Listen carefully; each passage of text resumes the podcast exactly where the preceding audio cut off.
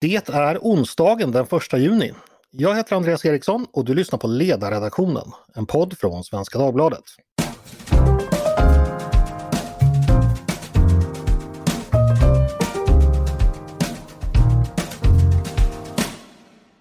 Varmt välkomna ska ni vara! Ämnet för dagen är någonting som kallas för Swedengate. Eh, det är en hashtag på sociala medier som syftar på en påstådd svensk vana Nämligen att barnens kompisar, eh, när familjen ska äta middag, då får kompisarna vänta på barnens rum och alltså inte bli medbjudna till, till bordet. Eh, detta diskuteras flitigt på internet både av en svensk och en förfå, förvånad och lite förvär, förfärad utländsk publik. Vad gör vi då av detta? Är detta här en riktig beskrivning av svenska vanor? Vad beror det i, fall, i så fall på? Vad tänker vi om omvärldens reaktioner? Är det en rimlig sak att diskutera på internet? Är det en rimlig sak att diskutera i Svenska Dagbladets ledarpodd? Har vi skapat ett globalt integrerat nätverk där hela mänskligheten ska älta svenska middagsvanor på 1900-talet?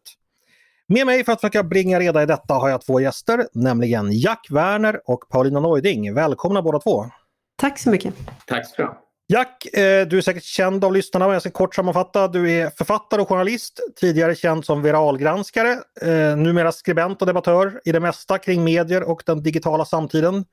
Just nu aktuell med boken om det olyckliga vikingaskeppet Ormen Friske som gick under i slutet på 19, nej, 1950 år va? Japp, år ja. 1950 prick. Mm, Ganska exakt 72 år sedan eh, just nu. Mm, just det, eh, en bok som jag varmt rekommenderar alla att läsa. Och Paulina, dig känner ju förstås lyssnarna också, medarbetare på sidan eh, som gärna skriver om svenskhet och kultur och därtill hörande frågor. Stämmer. Vad är du aktuell med? Ja, det är väl någon ledartext om någonting. Ja, okej. Okay. Inget, plugg, inget plugg, eh, pluggrunda kallas det här i poddar, Paulina. Du måste bli bättre mm. på, på dem. Just det, jag ska träna in något bättre svar nästa Jag jobbar hårt med redaktionen, Jack, ska jag berätta. Hörrni, eh, alltså, vi ska börja reda ut grundläggande saker här. Eh, alla lyssnare kanske inte har koll på hur och varför saker plötsligt blir snackisar på sociala medier. Jack, kan du vara vår digitala arkeolog och berätta om bakgrunden till det vi kallar Swedengate? Vad är det som har hänt? Mm, mm. Eh, precis som så mycket annat som liksom Eh, blir stort på internet så är det här frestande för den konspirationstänkande. Eh, för, för det är, det, det, är, lite, det är liksom lite för slumpartat för att verka vara en slump, om man säger så. Mm -hmm. eller det går i alla fall att se det så om man har fantasin på, på vid gavel. Eh, det börjar med att det finns ett forum som heter Reddit eh, där en ofta återkommande grej är att man ställer öppna frågor till forumets användare. Eh, meningen är att få ihop roliga anekdoter men också kanske skapa sig någon sorts bild av ja, ett område man är nyfiken på. Och den här gången var det en öppen fråga som ställdes till forumets användare som löd enligt följande. Vad är det konstigaste du har varit med om hemma hos en kompis eller hos någon annan människa baserat på dennes kultur eller eh, religion? Mm -hmm. eh, och som en av de mest då populära svaren i den här tråden. Eh, det var inte det allra populäraste, men en av de mest populära svaren. Det vill säga mest ja, eh, i ögonfallande, det som flest människor hade tyckt varit intressant. Det handlade om just då denna påstådda svenska sedvänja. Eh, det var en som beskrev det som att den var hemma hos en kompis en gång, en svensk kompis. Eh, plötsligt tittar mamman in och säger nu är det middag, varpå då skribenten var tvungen att sitta kvar i rummet. Eh, och den skrev, den formulerade sig med chock. Eh, Get this! Jag förväntades sitta kvar i rummet. Det var det galnaste jag någonsin varit med om, skrev figuren. Och hur blev reaktionerna på, på forumet då över detta?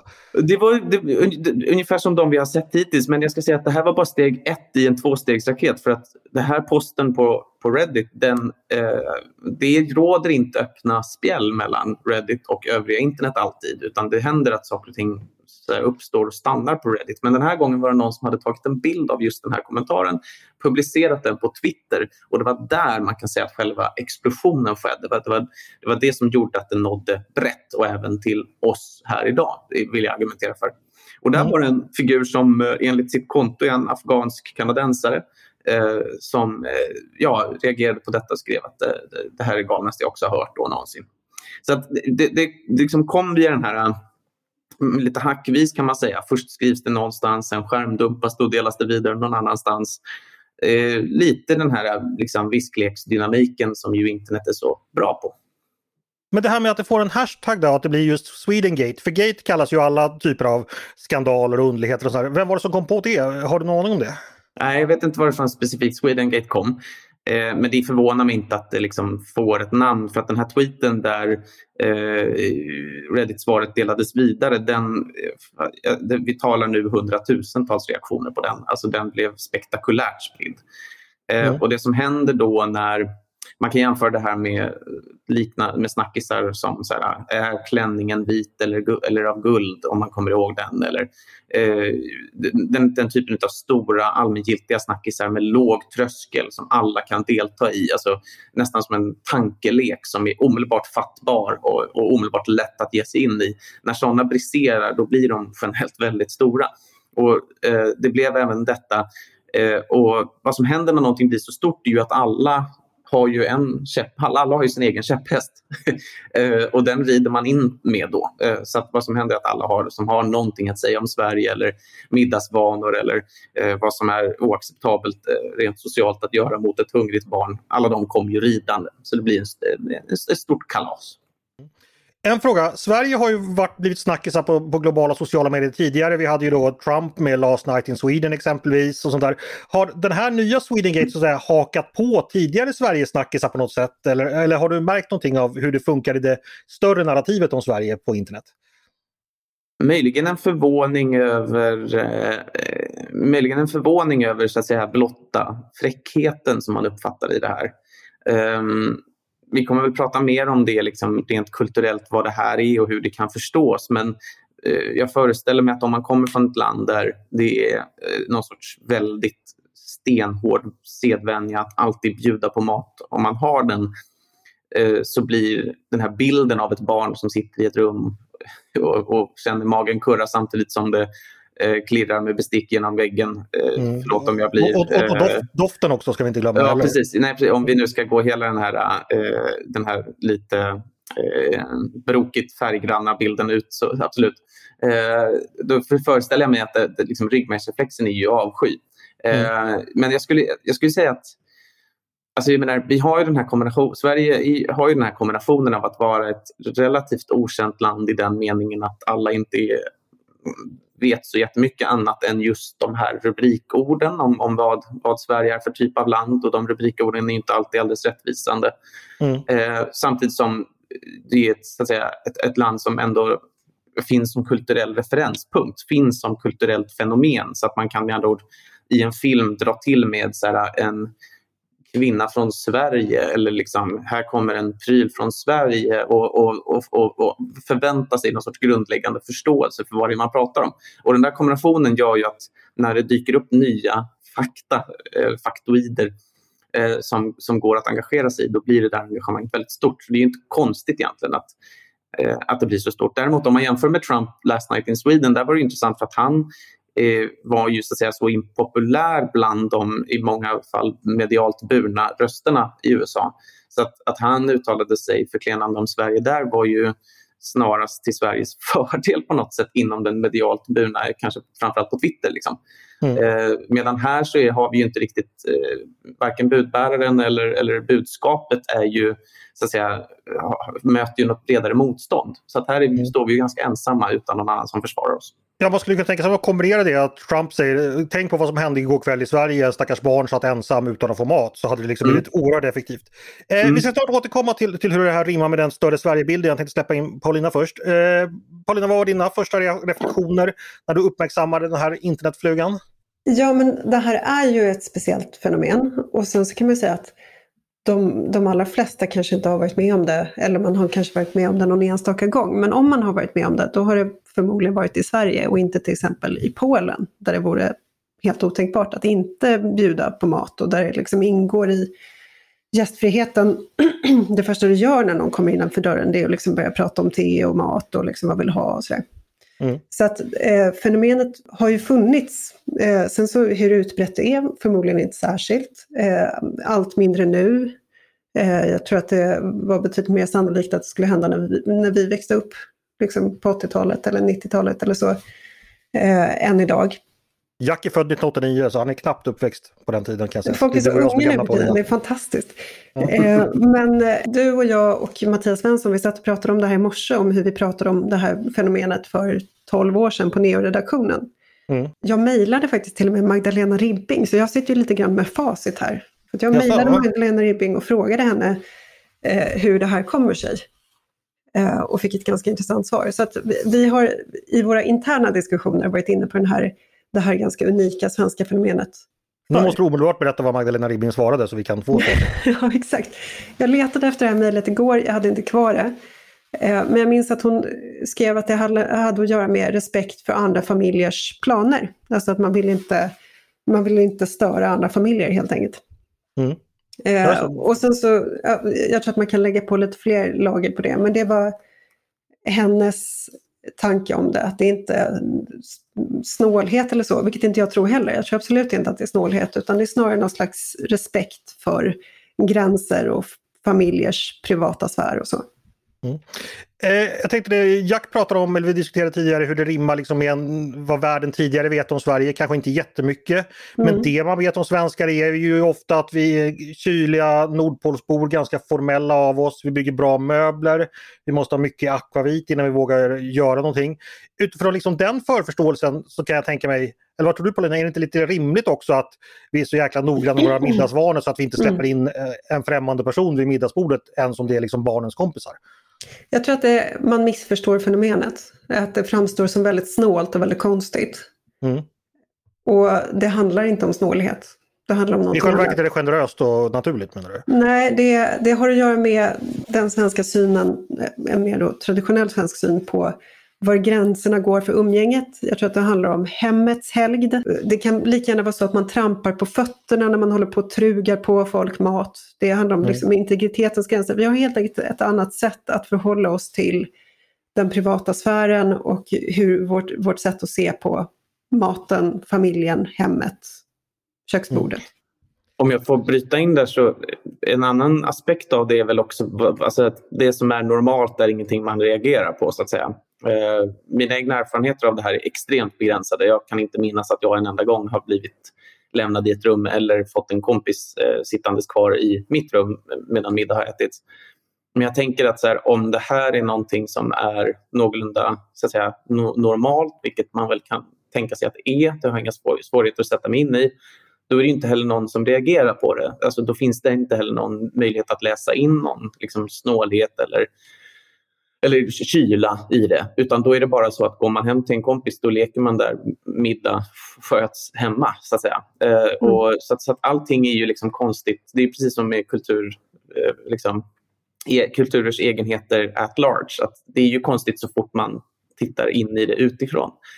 Eh, så det går väl också att se det på det sättet att så här, det, det det är, det är, inte värdeladdat. Liksom. Eh, det, om, om, man ska vara, om man nu ska dra en lans till det här försvaret.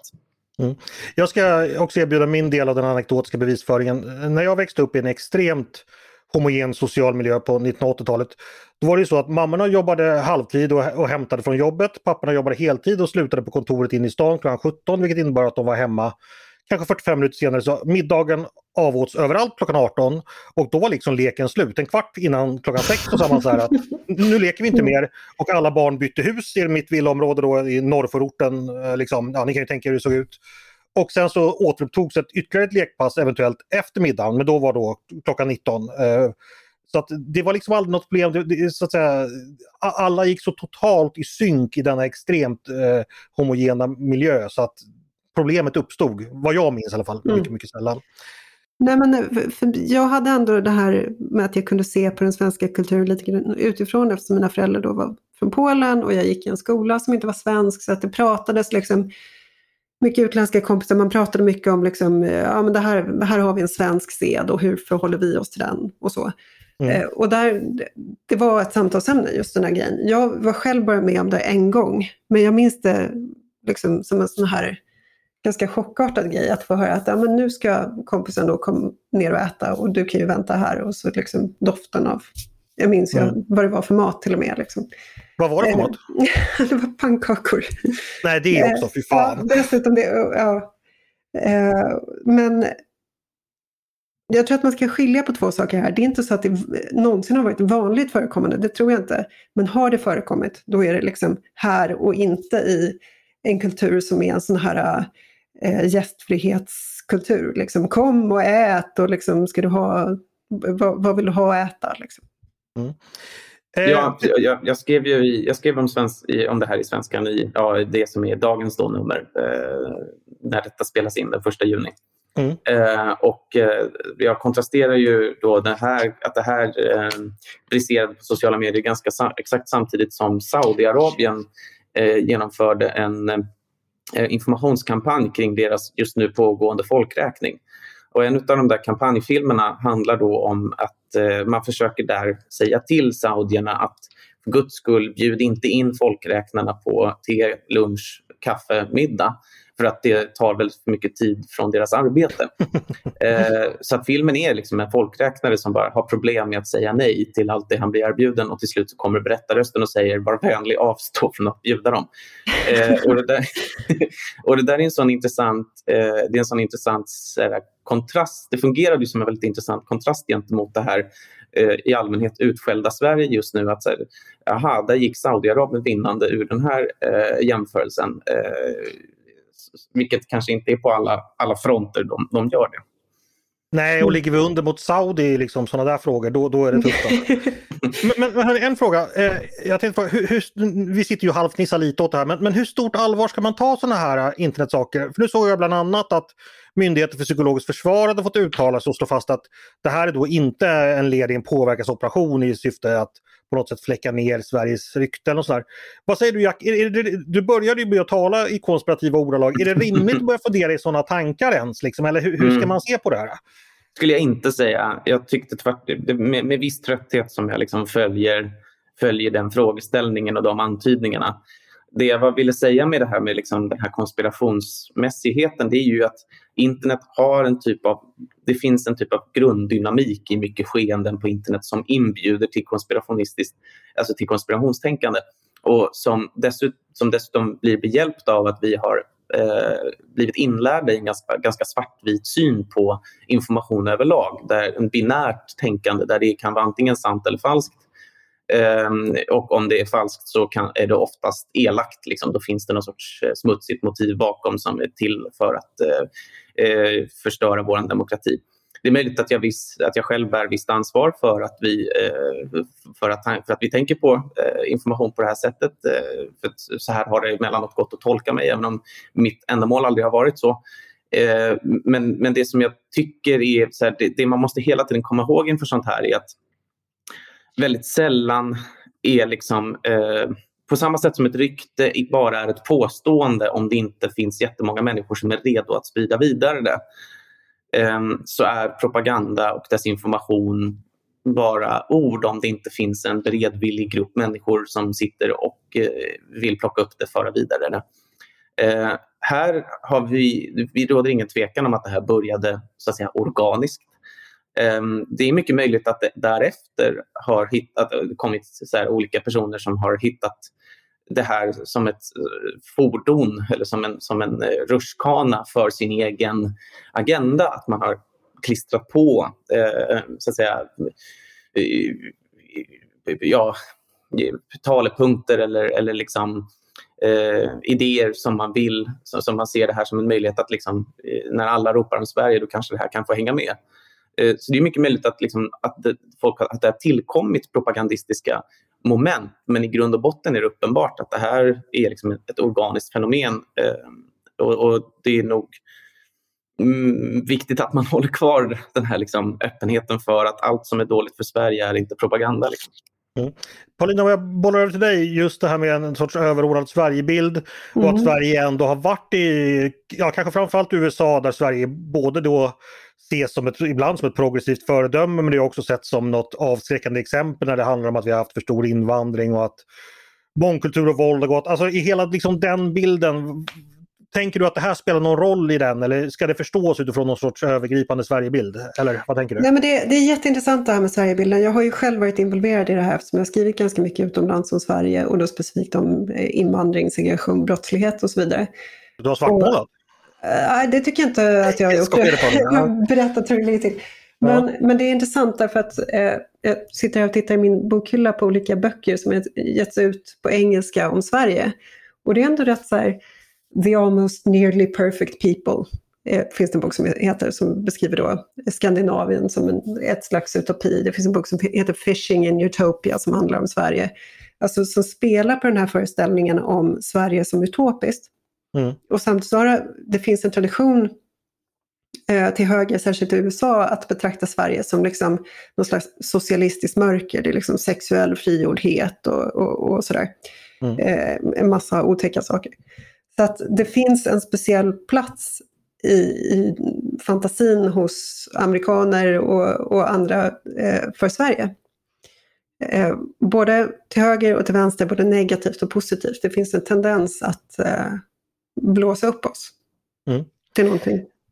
Eh, men det var inte det jag skulle säga, utan jag skulle prata om ehm, det här med Last Night in Sweden. Det var ju väldigt mm. intressant hur man reagerade då, därför att Trump säger det här.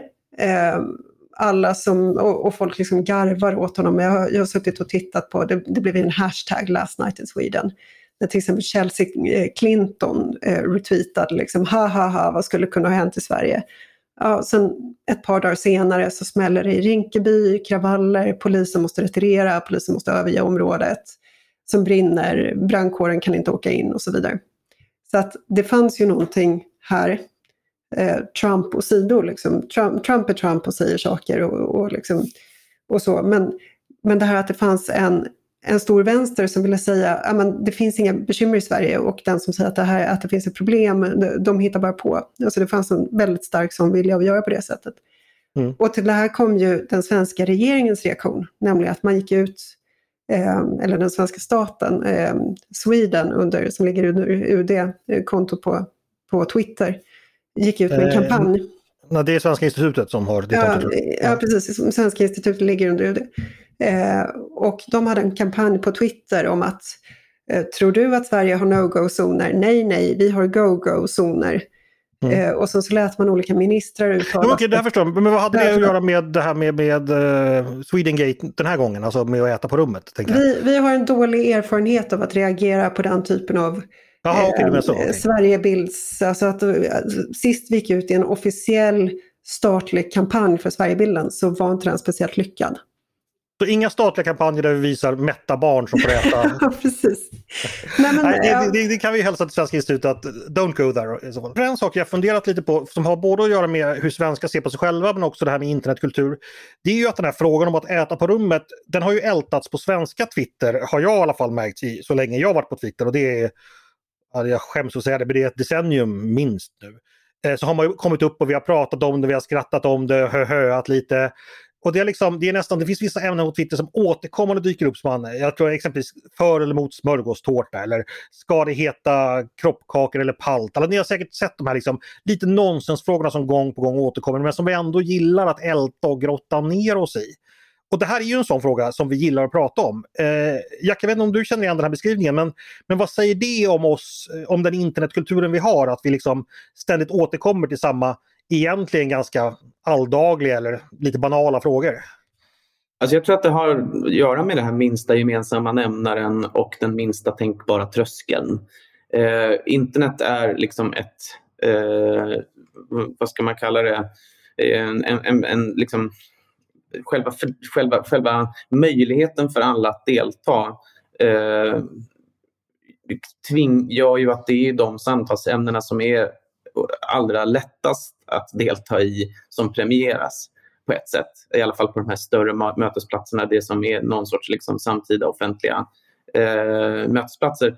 Eh, så, så, det kräver ju den där liksom, dels enkelheten, dels vardagligheten eh, och dels möjligheten att, att ta tydlig ställning. Liksom, mm.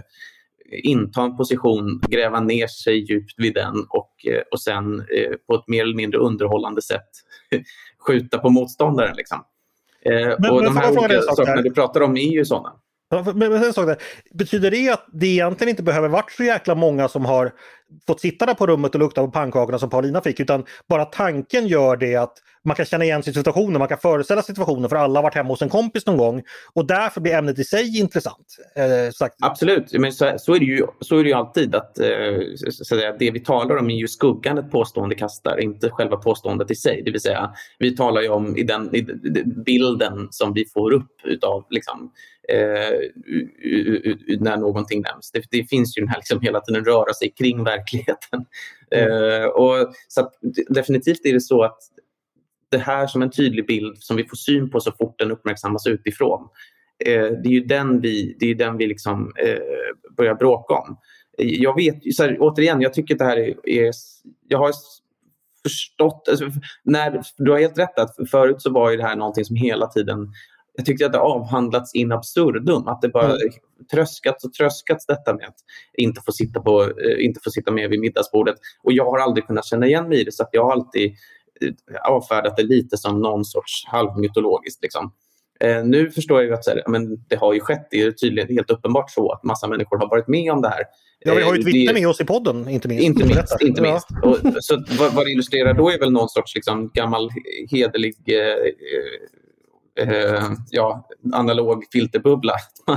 man tror det är möjligt som man själv har varit med om eh, och, och, och vice versa. Eh, så att jag har tyckt att det varit väldigt tröttsamt att det här har varit liksom hela tiden uppe på tapeten samtidigt som jag nu känner att så här, ja, men, eh, det har ändå lärt mig i någon mening någonting mer om vad det kan innebära att vara svensk. För min del har det ändå haft det värdet eh, så här långt. Paulina? Jag tror att det vi sitter och gör på internet till stor del, det är att visa upp oss. Liksom. Man visar upp snygga bilder på sig själv, man visar upp liksom, att man är rolig och smart. Och, liksom, och, och sitta och diskutera sådana grejer och sitta och vara rolig, det är bara ett annat sätt att liksom, eh, ja, dels vara social men dels bara visa upp sin egen förmåga. Så det är mm. inte så konstigt att sånt här dyker upp. Alltså, för, som svar på din första fråga, varför sitter man överhuvudtaget och pratar om sånt här? Jo, men det är för att visa att man är kul. Mm.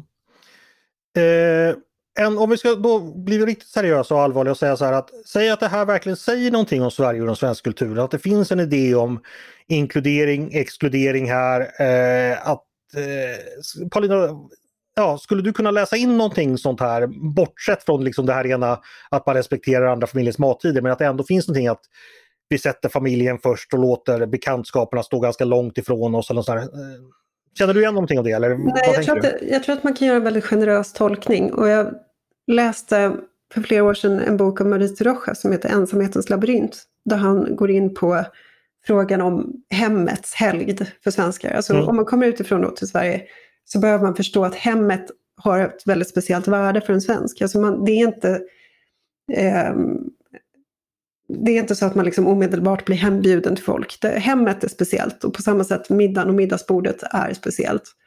Och den generösa tolkningen som jag tycker att man ska göra här, det handlar om att respektera andra familjer. Nu när man kommer hem så samlas man vid matbordet i en speciell stund, man äter tillsammans. Det ska man inte gå in och inkräkta på. Det är bara ett man, vill helt... inte, man vill inte släppa hem en proppmätt unge som inte äter hemma hos sina Exakt, föräldrar. Exakt, ja. för de, de, kanske hade planer. Då, har, då har man liksom förstört det här myset som ska liksom inträda när familjen samlas vid matbordet på kvällen. Mm. Eh, och det finns någonting liknande med kommer ihåg när jag var liten och man skulle så servera vid matbordet när hela släkten var samlad. Och det var så här, hade man en slev och skulle ge till någon som var från Polen och de sa nej, då la man på maten ändå. För man skulle mm. truga. Och var det någon av de tyska släktingarna som sa nej, då, då tog man tillbaka sleven i grytan. För det, då var det att liksom hålla på och truga, det var inte trevligt. Så det, det finns ju sådana här eh, trugandet som någonting som, eh, som innebär att man inte respekterar andras integritet och andras gränser. Och i Sverige är vi väldigt upptagna med det där. Vi kanske pratar jättemycket med våra grannar och tycker de är toppen. Men det är liksom över i trädgården. Men det är inte så att man går hem till varandra och håller på att äta middag hos varandra. Nej, man passerar eh, inte staketet. Nej, inte på det sättet. Och det, det, är bara ett helt annat... Alltså kulturer är ju är inte sina enskilda uttryck utan kultur är ju ett helt system av värderingar. Och eh, risken är att man tittar på ett uttryck och säger gud vad knäppt och vad kallt och vad otrevligt. När, om man tittar på hela systemet så ser man att äh, här finns det någonting som är sympatiskt. En sak jag undrar över. Eh, jag tror alla som har bott utomlands någon tid av sitt liv erfarit detta är att man möter ett annat lands vardag och så blir man plötsligt väldigt, väldigt svensk i vissa avseenden och börjar försvara svenska företeelser som man kanske har gått omkring och... Ja, alltså jag tänker mig liksom den extrema anti, säger, som tycker allting är förmynderi i Sverige kan bli liksom folkhemssosse nummer ett när man stöter på fenomen utomlands. Jag, jag vet inte om ni har, mm. ja, jag, jag har sett det många gånger i alla fall. Nu, nu, anklagas ju vi för snålhet. Det är ju en ganska, en ganska vanlig tolkning av det här och då varpå vi genast börjar att försvara oss, rationalisera det här med att det har inte alls med snålhet att göra och vi kan ha säkert ha rätt i det men liksom bara det här fenomenet att vi svenskar är ganska chauvinistiska ändå när vi möts av en omvärldens oförståelse för våra eh, vad vi tycker är självklart. Kan ni känna igen det? Eh, ja, svenskar är extremt stolta och jag har enormt eh, Alltså det finns ju en besatthet vid Sverigebilden och att andra mm. människor, vi kanske är ett litet land, vi är bara 10 miljoner, men vi har så fantastiska saker att lära världen. Och, det mm. bara och när på... inte riktigt gillar oss, då reagerar vi kanske lite... Nej, så här, coronagrejen, liksom. vem är tysken som sitter och ifrågasätter oss på presskonferenserna? Ja. Det, det, finns en sån eh, reaktion. Jack, vad tänker du om det här, att svensken som blir ifrågasatt? Jo, men det är ju helt uppenbart att det, ingenting gör eh, svensken till en sån eh, brinnande försvarare av eh, sina nationella särdrag som en utlänning som ifrågasätter dem. Eh, och det finns även en sån aspekt av internetdialogen eh, om man tittar på platser där det har hunnit bildas en typ av självrefererande kultur, vilket ju är på delvis svenska Twitter, delvis eh, den svenska användarbasen av Reddit, där de här, de här huvudsakliga scenerna för den här diskussionen. I båda fallen så, så finns det ju en typ av eh, självförsvarsgrundreaktion eh, som en, jag tyckte att man och, kombinerat med just den, den, här stoltheten. Jag tyckte att man kunde skönja båda två när eh, det här, eh, just Svenska institutet hade Sweden-kontot som eh, turnerande eh, megafon för vanliga, inom citattecken, vanliga svenskar. Mm. Där jag var den faktiskt första. Där var ju en, en poäng med det var ju just att, eh, som Paulina var inne på, var, vart och ett av de här olika särdragen är svåra att titta på i, sin, i, sin, eh, i sig själva. Och där var poängen att med liksom, den här rikedomen av exempel kan ni förstå eh, detta brokiga land. Eh, så det, det, finns ju liksom en vilja hela tiden att berätta om eh, våra eh, spännande och eh, eh innovativa, eh, kvalitativa vägval och att så fort de blir ifrågasatta ehm, lite liksom inför oss själva tycker jag ändå med ett snett leende. Jag tycker att liksom, svenskar emellan finns hela tiden det där sneda leendet. Alltså att det är ingen slump att det här urartade i ett skämtande, hela mm. den här snackisen. Eh, men inför omvärlden en kanske lite mer oförstående och emellanåt till och med kränkt eh, ja, eh, självförsvarsattityd. Jag tänker på en annan eh, specifik svensk måltidstradition då som vi själva då har promotat väldigt mycket, nämligen fika då som det har pumpats in mycket pengar i för att sprida över världen. Om vi tänker det omvända, att omvärlden hade upptäckt svenska fika och sagt så här Gud vad töntigt, vuxna människor som sitter och, och äter sötsaker mitt på dagen och så här. Då kanske vi hade liksom inte varit så jäkla stolta över vårt fika utan istället behövt rationalisera det med så har det minsann alltid varit här och vi behöver socker för att klara de hårda vintrarna och, eller vad det nu kan vara. Liksom, att, Eh, förstår ni vad jag är ute efter? Att, när vi Absolut. själva liksom pekar ut våra särdrag, då, då, är vi stolta över dem. När någon annan pekar ut dem, nej, då kom inte nära. Jag såg i något annat sammanhang där var frågan som ställdes var vad är konstiga saker folk gör i Sverige? Och det var någon som svarade att det här med godis, alltså att vuxna människor äter godis. Mm. Lösgodis, eh, att det, det, finns ett stort godisutbud och att vuxna, det var liksom det som var chocken vuxna går runt med prasslande godispåsar. Att det var en sån märklig, liksom, märklig grej med oss. Eh, och det hade jag aldrig sett utifrån förut. För mig har liksom godis alltid bara varit eh, någonting som jag har väl rätt att unna mig det. Vad är det frågan om? Ja, Paulina, har du också rätt att unna dig godis? jag försöker tänka det. Ja, du försöker tänka det. Eh, ytterligare en aspekt som då har följt på Swedengate, är liksom en delgate där, det är ju Sheetgate. Eh, jag tänkte att vi ska kort beröra det. Det här känner jag väldigt väl, ifrån, väl igen ifrån min barndom. Det var så att när man som familj besökte en annan familj och sov över så hade man med sig sina egna lakan och bäddade och bäddade sedan upp dem och tog hem dem och tvättade dem. Och detta har också då i den internationella communityt betraktats med viss skepsis och förvåning. Vad, vad tänker du om detta? Paulina, gjorde ni så när du var barn? Nej, jag tänker direkt på Hipp Hipp. Det finns en klassisk sketch som heter SFI eller något liknande. När det går runt en SFI-lärare med en eh, klass och lär dem olika svenska saker. Så här, Mhm. eh, nu har grannen gått in till sig, då kan vi gå ut i trapphuset. Och så vidare. eh, och så lär hon då Mohammed att eh, på kalas så säger han så här, jag har det med mig egna lakan till, till världen. Det är otroligt kul. Mm. Eh, de lär sig svenska svordomar. Och så här. Tycker Ja. man ska googla rätt på. Eh, det, nej, men det jag vet inte, det är återigen liksom att inte att sätta en gräns. Och Mm. återigen, jag tycker att det är viktigt att tolka det på i ett generöst ljus som en del av ett större system där individen och hemmet eh, har en speciell, eh, integriteten har vissa speciella gränser. Man sover inte andras lakan. Eh, Jack, vill du göra en mindre generös tolkning eller vad gör du för tolkning? Alltså jag kan väl för sakens skull eh, vara djävulens advokat, eh, det vill säga omvärldens i det här fallet, eh, och eh, säga att eh,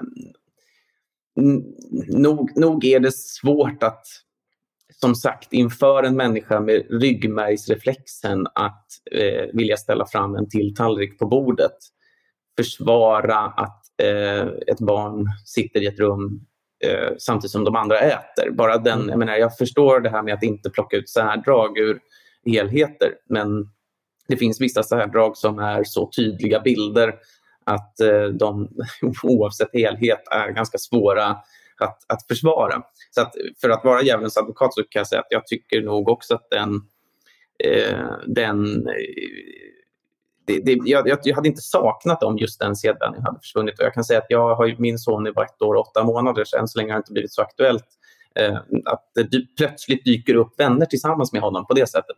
Eh, men när det väl börjar ske så, så kommer jag nog sikta på att hela tiden bara ösa in mer pasta i kastrullen allt eftersom.